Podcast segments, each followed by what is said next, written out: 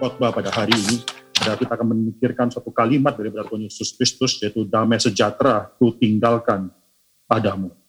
Saudara, kita akan membuka Alkitab kita, kita akan membaca daripada Yohanes, Yohanes pasal yang ke-14 ayat yang ke-27 sampai dengan ayat yang ke-31. Damai sejahtera ku tinggalkan bagimu, damai sejahtera ku, ku berikan kepadamu, dan apa yang kuberikan tidak seperti yang diberikan oleh dunia kepadamu. Janganlah gelisah dan gentar hatimu. Kamu telah mendengar bahwa aku telah berkata kepadamu, aku pergi, tapi aku datang kembali kepadamu. Sekiranya kamu mengasihi aku, kamu tentu akan bersuka cita karena aku pergi kepada Bapakku. Sebab Bapa lebih besar daripada aku.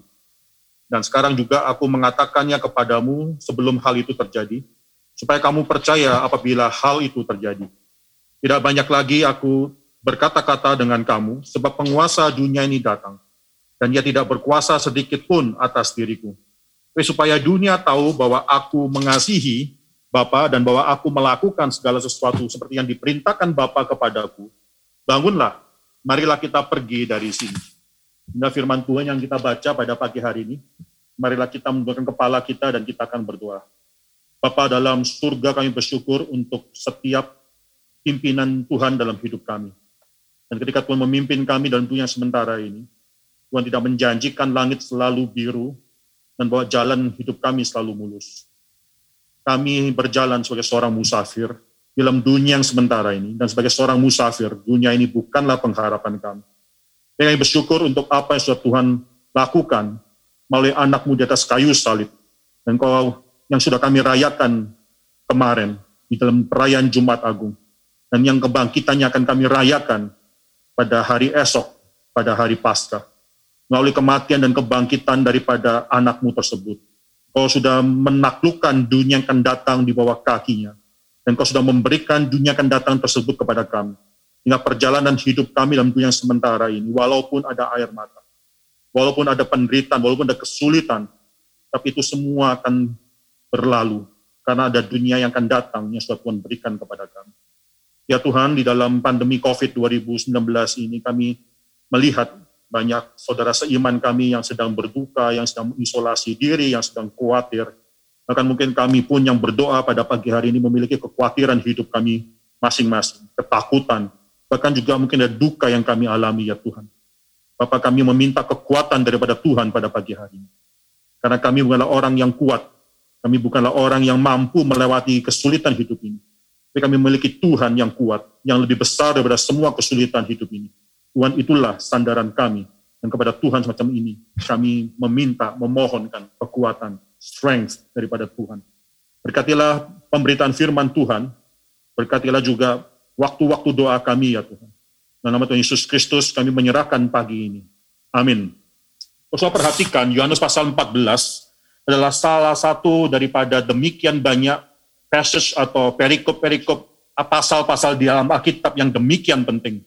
Ini dikatakan malam sebelum Kristus akhirnya ditangkap dan besok paginya setelah malam tersebut ditangkap, besok paginya dia akan disalibkan, saudara. Saudara murid-murid sudah mulai gelisah, bahkan Yesus sendiri pun menyatakan dalam Yohanes pasal 12 ayat 27 bagaimana hatinya pada saat itu. His soul itu mengalami suatu kegelisahan.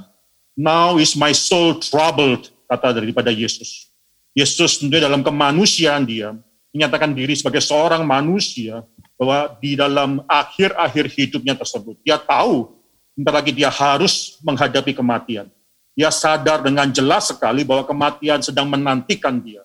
Tapi pada saat itu dia mengatakan sebagai manusia bahwa nyawanya dia itu terharu dalam bahasa Indonesia, sayang diterjemahkan sebagai terharu, seharusnya mungkin lebih tepat diterjemahkan sebagai galau atau risau.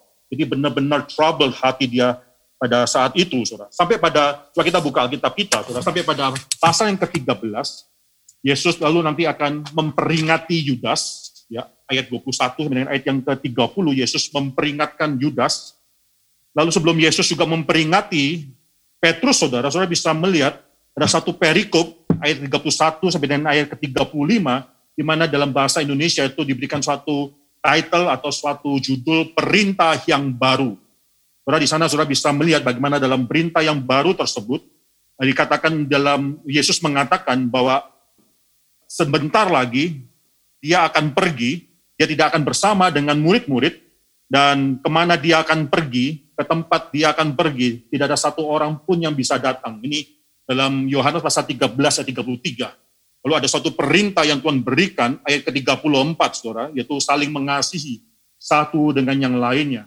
Ini perintah daripada guru kepada muridnya, yaitu supaya mereka saling mengasihi satu dengan yang lain. Ini perintah yang baru, yang terakhir, yang Tuhan berikan kepada murid-muridnya. Lalu dalam ayat ke-36, saudara bisa melihat bagaimana Yesus sedang memperingatkan Simon Petrus, bukan cuma hanya Yudas saja yang diperingatkan, sampai juga Simon Petrus. Saudara bisa melihat bagaimana Simon Petrus ketika mendengarkan bahwa Yesus akan pergi, ya, Yesus akan pergi dan murid-murid tidak bisa mengikuti dia, tentu Yesus sedang bicara mengenai kematian, tidak ada satu orang pun yang bisa mengikuti dia, yang bisa menjalani jalan hidup dia, ketaatan dia kepada Allah Bapa dan menjadi domba pasca tersebut. Tidak ada satu orang pun yang bisa melakukan hal itu.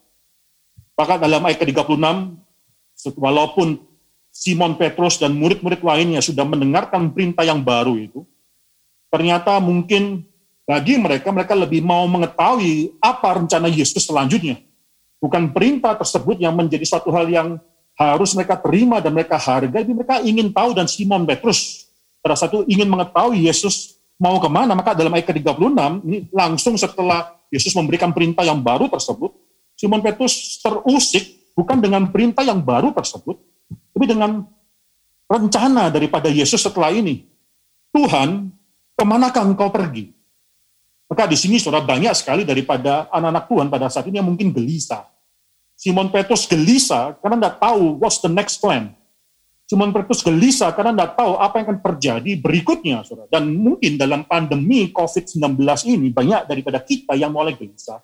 Karena kita tidak tahu apa yang akan terjadi berikutnya.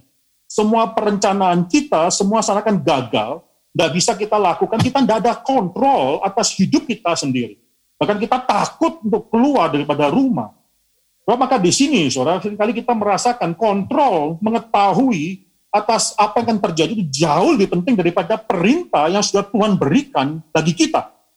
Simon diberikan suatu perintah yang baru pada saat itu dan seharusnya itu sebagai suatu perintah yang baru, dia mensyukuri. Itu suatu perintah daripada Yesus yang terakhir yang Tuhan berikan kepada murid-muridnya, tapi tidak. Yang menarik pada saat itu ya Simon tertarik, lebih tertarik pada rencana selanjutnya. What's going on next? Maka di sini Yesus sekali lagi mengatakan, jawab Yesus ke tempat aku pergi, engkau tidak dapat mengikuti aku sekarang. Tidak bisa. Yesus akan menjadi domba pasca tersebut. Dia akan disembeli bagi seluruh orang umat pilihan daripada Tuhan yang Allah Bapa kasih. Simon tidak mungkin bisa mengikuti dia. Maka di sini saudara-saudara perhatikan, sekarang kau tidak bisa ikuti, tapi kelak engkau akan mengikuti aku. Maksudnya apa? Simon tidak mungkin bisa menjadi Adam yang ketiga dan yang terakhir, tidak mungkin.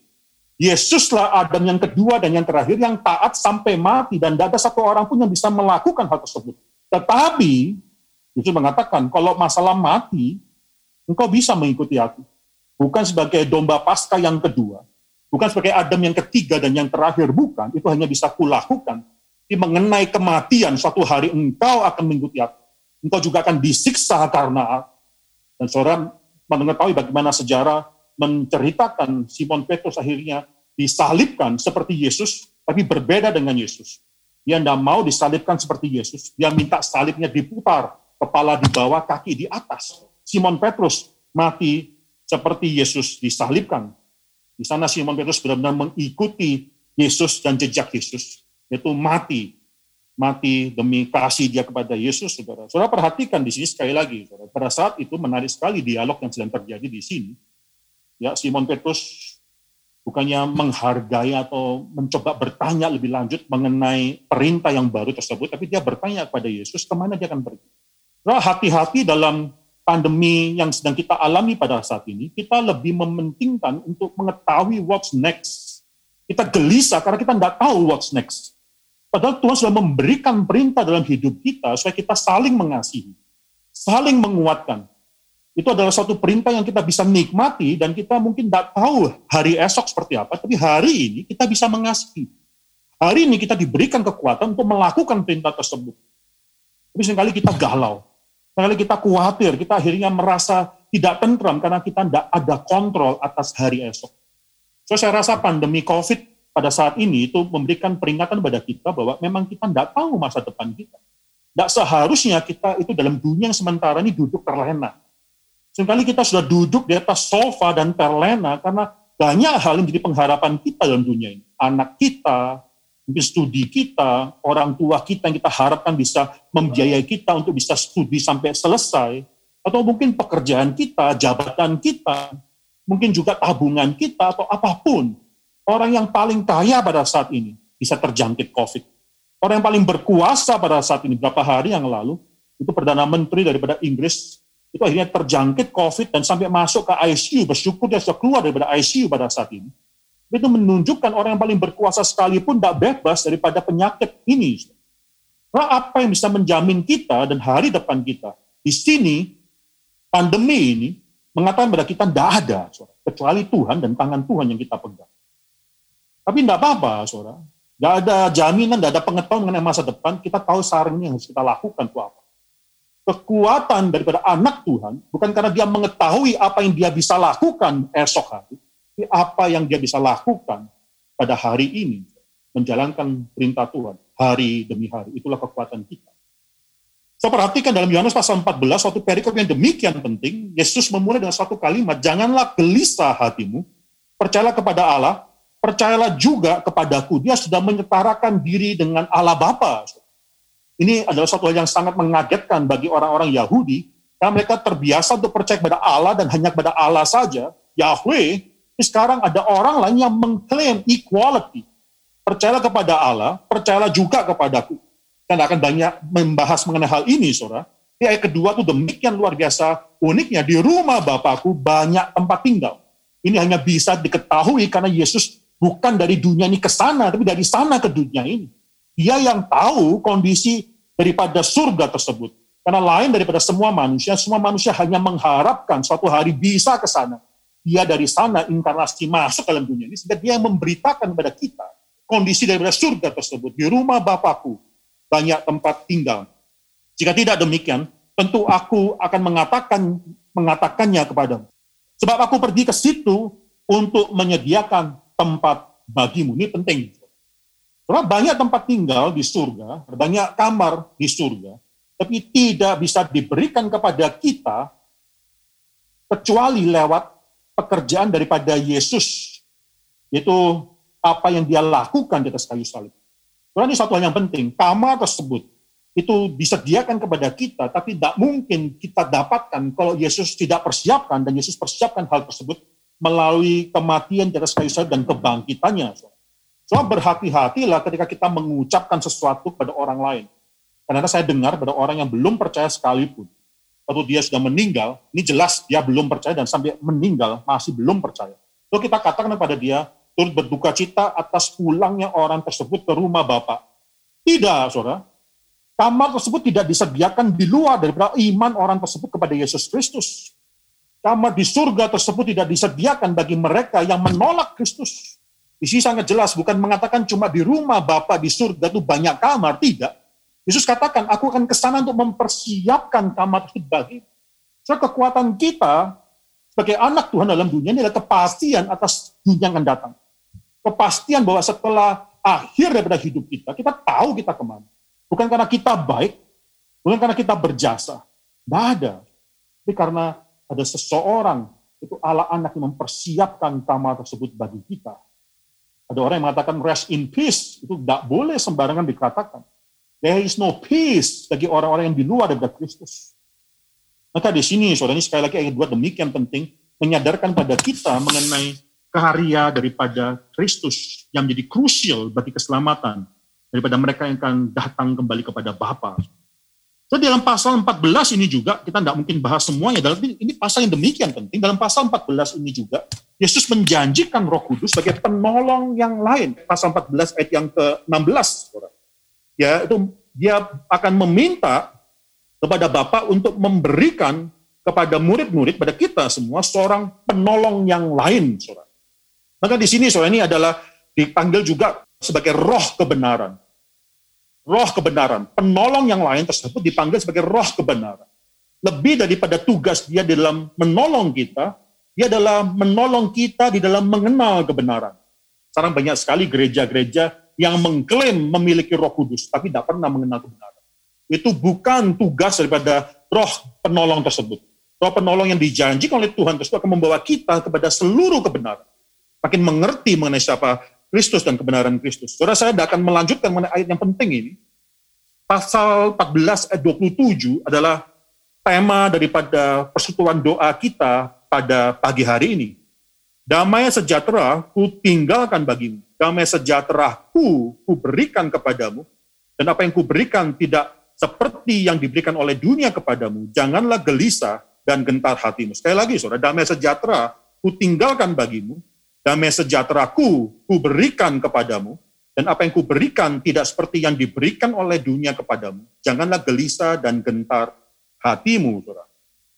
Apa yang akan kita katakan pada detik-detik terakhir hidup kita itu menandakan kematangan spiritualitas kita. Kalau detik-detik terakhir hidup kita, selama kita sudah menjadi mungkin orang Kristen puluhan tahun, tapi detik-detik terakhir hidup kita, kita menggerutu kepada Tuhan. Kita mengomel kepada Tuhan. Mungkin karena kita tidak mendapatkan apa yang kita rindukan, yang kita inginkan daripada Tuhan. Itu menandakan bahwa selama ini, selama kita hidup dalam dunia ini, mungkin berpuluh-puluh tahun kita sudah menjadi orang Kristen, tapi kita adalah orang Kristen yang tetap masih kerdil. Maka di sini saudara perhatikan suatu kata yang demikian luar biasa indah yang Tuhan berikan kepada murid-muridnya. Walaupun dia sendiri sudah katakan sekali lagi, Yohanes pasal 12 27 bahwa dia hati dia tuh gusar, uh, my soul is troubled dalam bahasa Inggrisnya. Hati dia demikian gusar. Bahkan dia sudah katakan, dia sudah tahu bahwa dia akan mati. Itu sudah jelas sekali bahwa dia katakan, itu certainty of death dia sudah ketahui. Bagaimana dia katakan dalam Yohanes pasal 13 ayat 33, ke mana dia akan pergi, tidak ada seorang pun yang bisa mengikuti dia. Diulangi lagi dalam ayat yang ke-37, ke mana dia akan pergi, tidak ada seorang pun yang bisa mengikuti dia. A certainty of death itu sudah dia rasakan, saudara. Tapi pada akhir hidup dia tersebut, dia mengatakan kalimat yang demikian penting. Damai sejahtera ku tinggalkan bagimu. Ya, damai sejahtera ku, ku berikan bagimu. Saudara, Saint Ignatius di akhir hidupnya, saudara itu dicatat di dalam buku daripada Eusebius, sejarawan uh, gereja, dia pernah mencatat bagaimana Saint Ignatius di akhir-akhir hidupnya ketika dia sudah tua, itu dibawa dari Syria pergi ke kota Roma supaya untuk dilemparkan ke dalam uh, ke, dilemparkan kepada binatang-binatang buas. Maka di sana, saudara, kemungkinan besar Saint Ignatius akan dilemparkan ke Kolosium di hadapan mungkin 50 ribu orang, 80 ribu orang yang menonton bagaimana dia diterkam oleh binatang buas. Saudara perhatikan bahwa ya, sepanjang jalan daripada Syria ke Roma tersebut, Saint Ignatius itu tidak pernah satu kali pun meminta supaya Tuhan melepaskan dia dari kesengsaraan yang akan datang. Tidak. Dia terus menguatkan gereja-gereja Tuhan sepanjang perjalanan tersebut. Saudara, di dalam akhir hidupnya ditulis oleh Eusebius bagaimana dia mengatakan satu kalimat yang demikian penting, yang terus berkumandang sepanjang sejarah. Sekarang aku mulai, sekarang, saat itu, saat dia sedang menghadapi kematian, sekarang aku mulai menjadi seorang murid. Tidak ada satu pun baik yang kelihatan maupun yang tidak kelihatan, yang menggairahkan ambisiku selama aku bisa mendapatkan Kristus. Baik api, maupun salib, maupun terkaman binatang buas, maupun hancurnya tulang-tulangku, terkoyaknya limbs atau kaki dan lenganku, rusaknya seluruh tubuhku, biarkan siksaan iblis menyerangku, tapi biarkan aku mendapatkan Kristus. Kalau kita bandingkan dengan teologi kemakmuran pada zaman ini, mengapa teologi kemakmuran itu bisa demikian rame, demikian besar dalam zaman ini? Satu hal, karena mereka tidak pernah benar-benar mengenal Kristus yang disalibkan tersebut. Anak Tuhan yang mengenal bahwa anak Allah disalibkan dan dibangkitkan akan memiliki suatu kekuatan yang demikian berbeda dengan orang dunia ini bahkan sampai menghadapi kematian pun tetap berjalan mengikuti Tuhan. Ini kekuatan yang luar biasa karena kita menyadari siapa dan apa yang sudah Kristus lakukan. Bagaimana dengan kita semua? Saya perhatikan ayat 27 ayat 31, saya tidak akan banyak membahas mengenai ayat ini, ini sangat dalam sekali. Kalau saya perhatikan, Yesus ini Yesus pergi dan Yesus katakan bahwa dia akan kembali, dia akan datang kembali. Saudara, jangan pikirkan ini cuma suatu temporary separation, maka murid-murid tidak perlu khawatir. Yesus katakan tidak perlu khawatir, cuma sebentar saja aku pergi. Ini bukan melambangkan kematian Yesus dan kebangkitannya periode cuma tiga hari. Di mana Yesus mati, lalu tidak kelihatan, masuk dalam kuburan, dan akan dibangkitkan, maka tidak perlu khawatir karena aku akan datang kembali kepadamu. Oh tidak. Ini bukan masalah cuma tiga hari. Lagi pula, semua murid-murid sebenarnya sudah tahu, seharusnya tahu, bahwa Yesus akan mati dan harus mati dan akan dibangkitkan. Tapi seakan mereka tidak sadar pada saat itu. Karena dalam Matius pasal 16 ayat 21, kalau saya perhatikan Matius pasal 16 ayat 21, di sana Yesus mengatakan sejak waktu itu, Yesus sudah menyatakan kepada seluruh muridnya mengenai bahwa dia harus pergi ke Yerusalem dan menanggung banyak penderitaan dari para tua-tua, imam-imam kepala, dan ahli-ahli Taurat, lalu dia akan dibunuh dan akan dibangkitkan pada hari yang ketiga. Dia sudah ceritakan hal itu. Tapi pada saat hari kematian, malam sebelum dia akhirnya ditangkap dan besoknya akan disalibkan, murid-murid seakan-akan bimbang. Tidak ada satu orang pun yang ingat mengenai apa yang dikatakan Tuhan Yesus. Tidak ada satu orang pun yang mengatakan tenang saja, ini cuma perpisahan sementara, bentar lagi dia akan dibangkitkan. Tenang saja, kita tidak perlu terlalu khawatir. Bahkan ketika Yesus ditangkap, semua lari. Ketika Yesus disalibkan, hanya ada satu orang murid yang dia kasih yang ada di bawah salib Semuanya lari. Karena waktu saya masih muda, saya terus berpikir, saudara, ini kenapa? Mereka sudah tahu. Mereka sudah diberitahu. Ini mengapa mereka seakan tidak tahu? Apakah mereka lupa? Kemungkinan satu dalam mereka sudah lupa. Atau mungkin saja, saudara, mereka belum, dan saya lebih percaya alternatif yang kedua. Mereka tidak benar-benar mengerti siapa Kristus. Omongan Kristus tidak pernah nyantol dalam hati mereka. Karena karena nggak sadar siapa Kristus. Demikian juga dalam hidup kita, sering kali kita gelisah. Seringkali kita akhirnya mempertanyakan kalimat-kalimat dan janji-janji Kristus. Problemnya bukan karena kita tidak tahu kalimat-kalimat tersebut, tidak. Problemnya adalah karena mungkin kita tidak sadar siapa Kristus. Sehingga kalimat dia, janji dia, akhirnya kita anggap sebagai kalimat yang biasa. Kalimat orang biasa.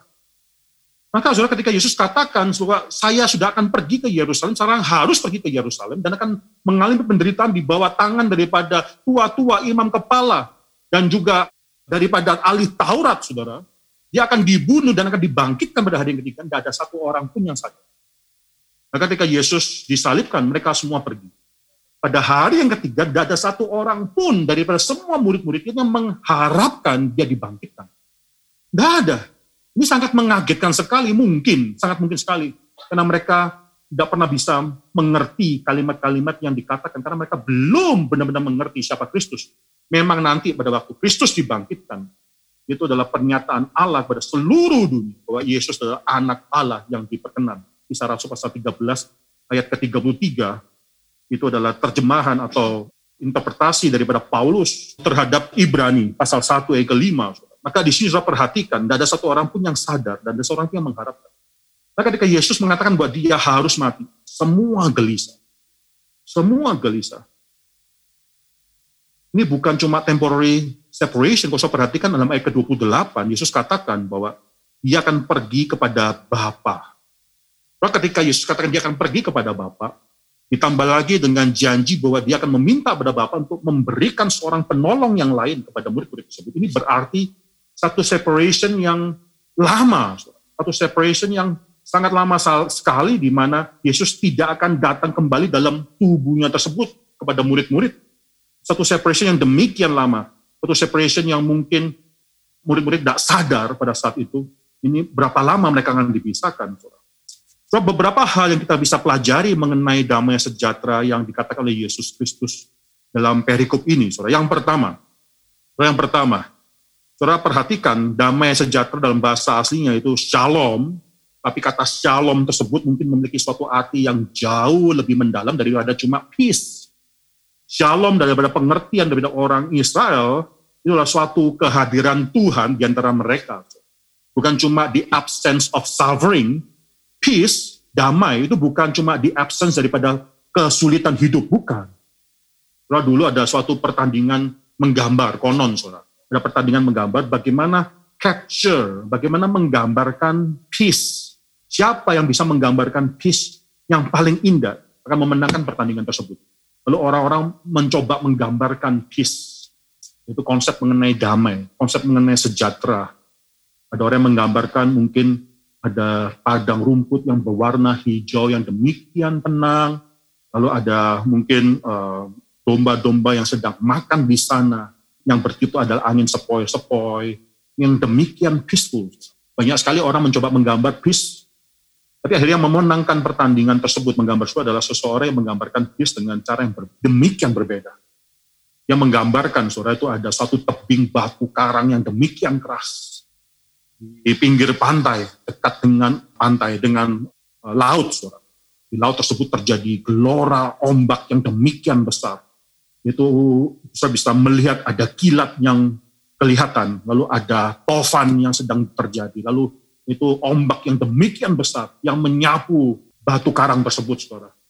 Tapi lalu di sana, saudara, di tengah segala uh, begitu banyak fenomena-fenomena alam yang menakutkan tersebut, pada satu sangkar burung di tebing batu karang tersebut.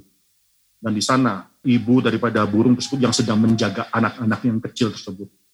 Dan di sana dia menggambarkan peace itu bukan absence daripada penderitaan, peace itu bukan ketidakadaan daripada kesulitan hidup, tapi peace adalah suatu kondisi di mana kita bisa merasa tenang walaupun ada kesulitan hidup.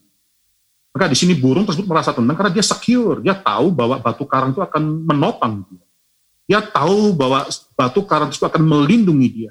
Dalam satu mungkin selokan daripada batu karang tersebut, dia terlindung daripada semua, daripada badai yang ada depan dia. Itulah kondisi peace. So, pada saat ini banyak orang yang mengharapkan COVID segera lalu. Ada hamba Tuhan yang menengking COVID.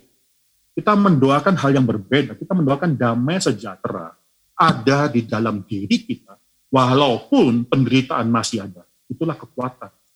Itulah kekuatan daripada Tuhan yang akan Tuhan berikan bagi kita. Kita perhatikan di sini, Yesus waktu mengatakan, damai sejahtera ku tinggalkan bagimu. Dia adalah seorang yang dia katakan dia galau, hatinya risau, hatinya my soul is troubled. Dia adalah seorang yang bahkan nanti harus bergumul dalam taman Getsemani. Bahkan keluarlah peluh-peluh keringat yang seperti peluh-peluh darah tersebut, saudara. Dia memiliki suatu agony yang demikian sangat dalam sekali dalam menghadapi daripada cawan cawan murka tersebut. Saudara, Yesus memiliki suatu kerisauan hati tersebut dan di sana Yesus yang mengatakan, Yesus yang mengalami problema hidup ini, Yesus yang mengalami penderitaan ini, Yesus dia mengatakan dalam ayat ke-27, damai sejahtera ku tinggalkan bagimu. Maka sekali lagi, damai itu bukan in the absence of difficulty. Justru kalimat yang keluar daripada mulut Yesus ini damai adalah justru di tengah-tengah segala kesulitan hidup yang dia alami. Saudara. Lalu yang kedua, kalau saya perhatikan, bukan hanya Kristus saja, Kristus juga mengharapkan murid-murid tersebut memiliki damai di tengah kesulitan hidup. Berarti kan suatu hal yang sangat penting sekali, ada suatu ajakan daripada Yesus supaya murid tersebut bisa mengikuti hidup sebagian daripada hidup dia yang terakhir. Kita perhatikan ayat ke-31, saudara. Tetapi supaya dunia tahu bahwa aku mengasihi Bapa dan bahwa aku melakukan segala sesuatu seperti yang diperintahkan Bapa kepadaku, bangunlah, marilah kita pergi dari sini. Ini suatu ajakan. Memang murid-murid tidak bisa pergi ke tempat di mana Yesus akan pergi sampai titik darah penghabisan tersebut ada suatu bagian dalam hidup Yesus yang mereka masih bisa ikuti. Nah bagian dalam hidup Yesus tersebut belum tentu tenang, belum tentu tentram, itu adalah pergumulan. Dia akan dibawa masuk dalam pergumulan Yesus dalam Taman Getsemani. Murid-murid akan dibawa masuk dalam pergumulan Yesus akhirnya diadili dan akhirnya harus disalibkan. Marilah bangun, marilah kita pergi dari sini, saudara. Maka di sana itu adalah suatu pertempuran ada masih ada suatu bagian di mana murid-murid tersebut masih harus mengambil bagian dalam penderitaan Yesus Kristus, tetapi tetap mereka memiliki suatu damai. Surah Filipi pasal 3 ayat 10, itu Paulus dengan demikian rani dia mengatakan, yang ku kehendaki ialah mengenal dia dan kuasa kebangkitannya, Itu Paulus katakan, dan kita menginginkan mengenal dia dan kuasa kebangkitan, siapa yang tidak ingin mengenal hal tersebut? Kan teologi yang makmur banyak mementingkan mengenai dunia yang akan datang tersebut yang harus dihadirkan sekarang. Itu memang didapatkan oleh kuasa kebangkitan Kristus. Dan dunia yang akan datang itu akan dihadirkan sekarang. Tetapi Paulus juga mengatakan, dan persekutuan dalam penderitaannya, di mana aku menjadi serupa dengan dia di dalam kematiannya. Saudara, saudara mendapatkan dunia akan datang, tidak mungkin saudara bisa mendapatkan dalam kemegahan dunia saat ini. Saudara mendapatkan dunia akan datang hanyalah melalui keserupaan dengan Kristus dalam penderitaannya dan di dalam keserupaannya di dalam kematian. Memang kita bukan, ini serupa bukan berarti identik. Kita tidak mungkin bisa menjadi domba pasca yang kedua. Tidak mungkin, hanya Kristus yang bisa mentuntaskan hal tersebut. Tapi di sini Paulus sekali lagi mengatakan, persekutuan yang ku hendak persekutuan dalam penderitaannya di mana aku menjadi serupa dengan dia di dalam kematiannya. Jadi sangat berbeda sekali dengan teologi kemakmuran. Saudara. Saudara yang ketiga kalau saya perhatikan di sini, apa yang menjadi kekuatan daripada Kristus sehingga dia bisa memiliki damai sejahtera tersebut walaupun dia mungkin hati masih risau. Ya, soul trouble. Walaupun dia masih akan berjuang di dalam taman Getsemani, dan di sana dia akan mengeluarkan keringat dengan seperti peluh darah tersebut. Karena yang menjadi kekuatan daripada Yesus Kristus pada saat itu dan ini menjadi suatu pengharapan kita semua adalah kasih dia kepada Bapa dan ketaatannya kepada Bapa. Satu kalimat yang luar biasa yang dikatakan dalam akhir dalam ayat yang pasal yang ke-14 ini, tetapi supaya dunia tahu bahwa aku mengasihi Bapa dan bahwa aku melakukan segala sesuatu seperti yang diperintahkan Bapa kepadaku Mari pergi. Kita perhatikan di sini, kekuatan Yesus, damai yang dia dapatkan karena dia mengasihi Bapa. Kekuatan Yesus dan segala sesuatu yang dia bisa dapatkan dan akhir-akhir hidup tersebut adalah karena ketaatan total dia kepada Bapa.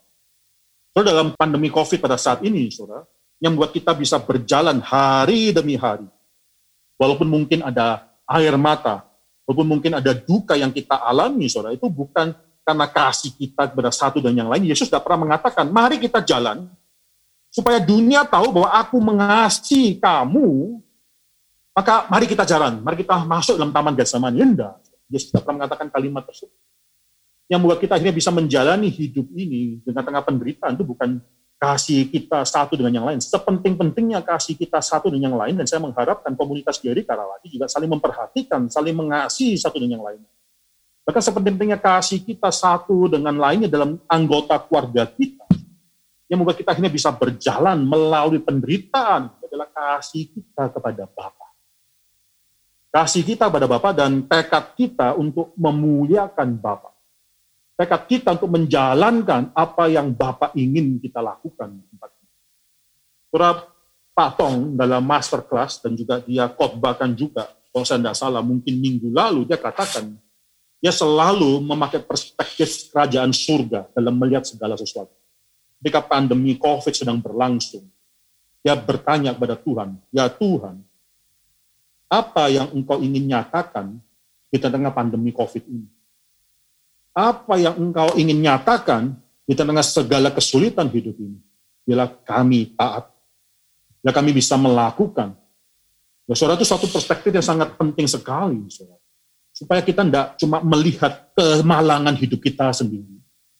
Ini membebaskan kita daripada self-centeredness dalam penderitaan kita, itu perspektif kerajaan surga. Kita harus bertanya, ya Tuhan, apa yang kau kehendaki kulakukan, yang harus gereja lakukan dalam kesulitan pada saat ini. Saudara sukacita Kristus karena menjalankan kehendak Bapa. Sukacita Kristus dan damai pada saat itu karena dia sebagai manusia dia bersandar kepada Bapa. Dia menyandarkan dirinya kepada ketaatannya kepada Allah Bapa. Yang keempat, saudara, ini bukan cuma membicarakan mengenai sifat manusia Kristus saja. Ada satu kalimat yang luar biasa yang keluar dari mulut Kristus, damai sejahtera ku kuberikan kepadamu. Ini menunjukkan Kristus bukan hanya manusia, ini juga menunjukkan Kristus adalah Allah ini sifat ilahi daripada Kristus, sehingga dia yang bisa mengatakan damai sejahtera ku. So, tidak ada satu orang dalam dunia ini bisa mengatakan bahwa saya bisa menjaminkan, menjanjikan damai sejahtera padamu. Tidak ada pemerintah yang paling berkuasa sekalipun yang akhirnya bisa mengatakan bahwa aku bisa menjaminkan bahwa kesulitan COVID ini akan berhenti dan semua akan restore seperti semula, aku memberikan damai sejahtera padamu. Tidak ada. Dan kalau kita mengharapkan supaya damai sejahtera bisa kita dapatkan dalam dunia sementara ini, kita sudah salah berharap. Saudara melihat di sini ada suatu kalimat Yesus yang demikian penting. Dia katakan, damai sejahtera-ku. Dan ketika Yesus mengatakan kalimat itu, di Roma, saudara, dalam kerajaan Roma ada Kaisar Augustus. Yang akhirnya, saudara, eh, itu menjanjikan ada Pax Romana. Pax Romana, di mana ada peace dalam seluruh kerajaan atau wilayah daripada pemerintahan Romawi, ada suatu peace ini dia janjikan, dia ingin berikan kepada seluruh warga orang-orang Romawi pada saat itu. Tapi Yesus katakan satu kalimat, saudara, itu damai sejahteraku, bukan damai sejahtera dunia yang kuberikan kepada Teks Romana daripada Romawi tidak bisa menjaminkan suatu damai kepada kita. Hanya melalui kematian Kristus, hanya melalui kebangkitan Kristus, akhirnya damai sejahtera Kristus milik Kristus itu bisa kita dapat. Ini luar biasa sekali dunia ini akhirnya Yesus juga katakan ya yang kuberikan tidak seperti yang diberikan oleh dunia kepadamu yang membedakan ini qualitative difference damai pada dunia ini tidak ada artinya tidak ada satupun dalam dunia ini yang bisa menguatkan kita pengharapan kita bukan pada dunia pengharapan kita adalah damai sejahtera Kristus tersebut kesulitan hidup masih ada tapi kekuatan kita bukan karena kita menunjukkan iman kita yang kuat sehingga kita bisa dilepaskan dari kesulitan hidup ini. Tidak. Kekuatan kita adalah mengetahui bahwa kita bisa bersandar kepada Allah yang kuat. Dan Allah yang kuat tersebut adalah Allah yang memberikan damai sejahtera melalui Kristus di tengah segala penderitaan yang kita hidupi. Maka kita mendapatkan kekuatan hidup. So, akhirnya firman Tuhan pada pagi hari ini membuat kita menyegarkan hati kita, mengorientasikan mata rohani kita kembali pada Kristus yang menjanjikan damai sejahteranya ditinggalkan dan diberikan kepada kita. Solidio Gloria. Mari kita tundukkan kepala dan kita berdoa. Bapak dalam surga kami bersyukur ya Tuhan karena walaupun ada kesulitan dalam hidup ini, tapi ada damai sejahtera Tuhan yang Tuhan janjikan. Dan bukan damai sejahtera dari dunia ini, tapi damai sejahtera Tuhan yang Tuhan akan tinggalkan bagi anak-anak Tuhan, bagi murid. Bapak berilah kami kekuatan dalam menjalani hidup-hidup sulit. Pada saat ini kami tidak bisa mengetahui masa depan kami, bahkan hari esok pun, kami mungkin tidak bisa mengatakan dengan kepastian apa yang akan terjadi. Pada saat ini kami juga mendoakan bahwa pemerintah DKI Jakarta dilanjutkan juga dengan pemerintah Banten, khususnya daerah Tangerang Raya sudah melakukan lockdown. Ya Kami berdoa supaya lockdown tersebut tidak semakin menggelisahkan masyarakat tapi kami berdoa supaya khususnya anak-anak Tuhan, gereja Tuhan, mendapatkan kekuatan daripada Tuhan di tengah segala kesulitan. Ya Tuhan, kuatkan mereka yang sedang lemah. Engkau berjanji bahwa Engkau tidak akan membiarkan anak-anak Tuhan itu akan terkulai, bahwa Engkau akan menopang mereka. Pada saat ini meminta kekuatan topangan dan hiburan daripada Tuhan. Banyak yang sudah menangis, kami mengingat keluarga dalam kondisi yang sulit ini, mereka yang sudah mengalami duka cita ya Tuhan. Kami berdoa supaya Tuhan juga memberikan kekuatan dan penghiburan pada mereka semua. Hiburlah jemaat kami ya Tuhan. Karena memang kami adalah anak-anak Tuhan yang lemah dan kami mengharapkan tidak lain hanya daripada kekuatan daripada Tuhan saja. Hanya firman Tuhan terus berbicara kepada kami semua dan menguatkan kami semua. Dalam nama Tuhan Yesus Kristus kami berdoa dan mengucap syukur. Amin.